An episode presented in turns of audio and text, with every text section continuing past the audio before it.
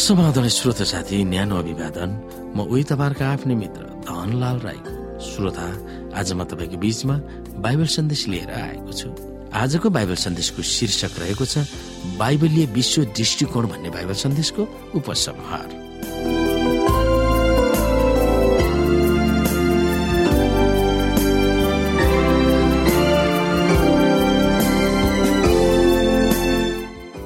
श्रोता साथी परमेश्वर र शैतानको बीचमा भइरहेको महान विवादको भीषण द्वन्द्वको अन्त्य हुन लागेको छ। प्रत्येक दिन जमिन समुद्र र आकाशमा भइरहेको विपत्तिको खबरले सबै थोकको अन्त्य हुँदैछ भनेर सन्देश दिइरहेको छ। युद्ध र युद्धका हल्लाहरूले यसलाई पुष्टि गर्दछ। जब हाम्रो सामु ठुला ठुला घटनाहरू चम्किरहेको छ त्यसले गर्दा मुटु धक धक नभएको कुनै इसाई नहोला।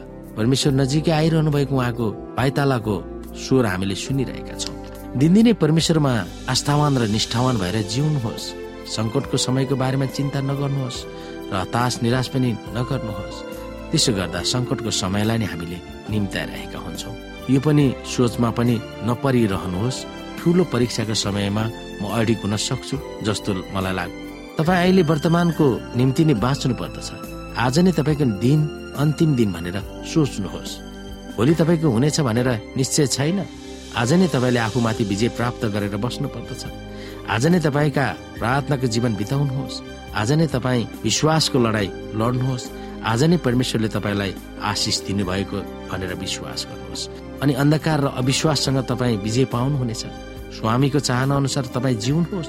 त्यसले गर्दा तपाईँका वरिपरि रहने सबैको निम्ति आशिष हुनेछ।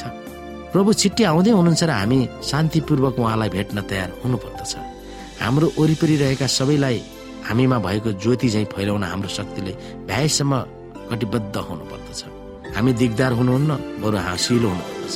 हाम्रो अगाडि जहिले पनि यसोलाई राखिरहनु पर्दछ उहाँको आगमनको निम्ति हामी तयार हुनै पर्छ र पर्खिरहनु पर्दछ उहाँलाई भेट्दा कस्तो उल्लासमय होला? हामीले धेरै समयसम्म पर्ख्यौँ तर हाम्रो विश्वासलाई कमजोर पार्नुहुन्न।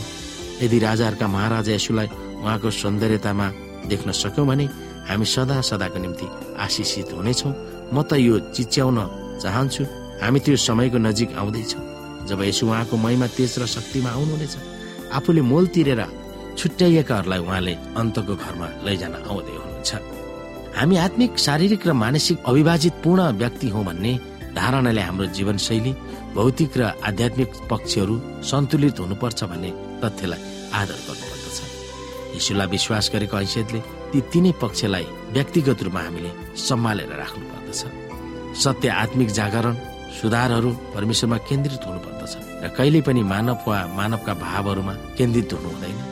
फरिसी र कर उठाउने मानिसको कथाले यो नीतिलाई कसरी चित्रण गर्दछ हामी हेर्न सक्छौँ। यसुको आगमनको निम्ति तपाईँ तयार हुनुभएको छ भनेर तपाईँले कसरी थाहा पाउने? अनुमान नगरेर ठोस रूपै हामीले कसरी थाहा पाउन सक्छौँ? आउनु श्रोता लुखा अठार अध्यायको नौदेखि चौधसम्म हामी हेरौँ आफैमाथि भरोसा राख्नेहरू र आफैलाई धर्मी ठानी अरूहरूलाई तुच्छ ठान्नेहरू कसै कसैलाई उहाँले यो दृष्टान्त सुनाउनु भयो दुईजना मानिस प्रार्थना गर्न मन्दिरमा गए। एकजना फरिसी र अर्को चाहिँ कर उठाउने। फरिसीले उभिएर मनमा नै यसरी प्रार्थना गरे हे परमेश्वर म तपाईँलाई धन्यवाद दिन्छु। म अरू मानिसहरू जस्तो धुता अन्याय भ्याविचारी अथवा यही कर उठाउने जस्तो पनि छैन। म हप्तामा दुईपल्ट उपवास बस्दछु। मैले पाएका सबै थोकको दशासमा दिन्छु।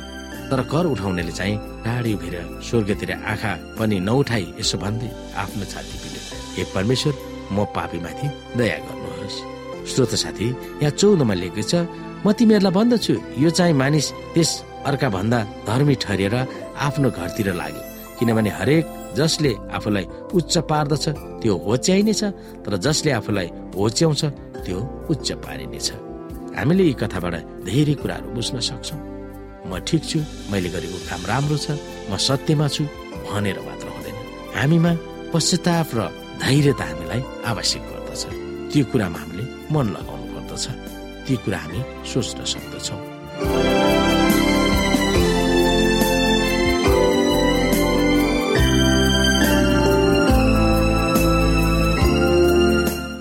श्रोता साथी आजको लागि बाइबल सन्देश यति नै। हस्त नमस्ते जय मसिंह।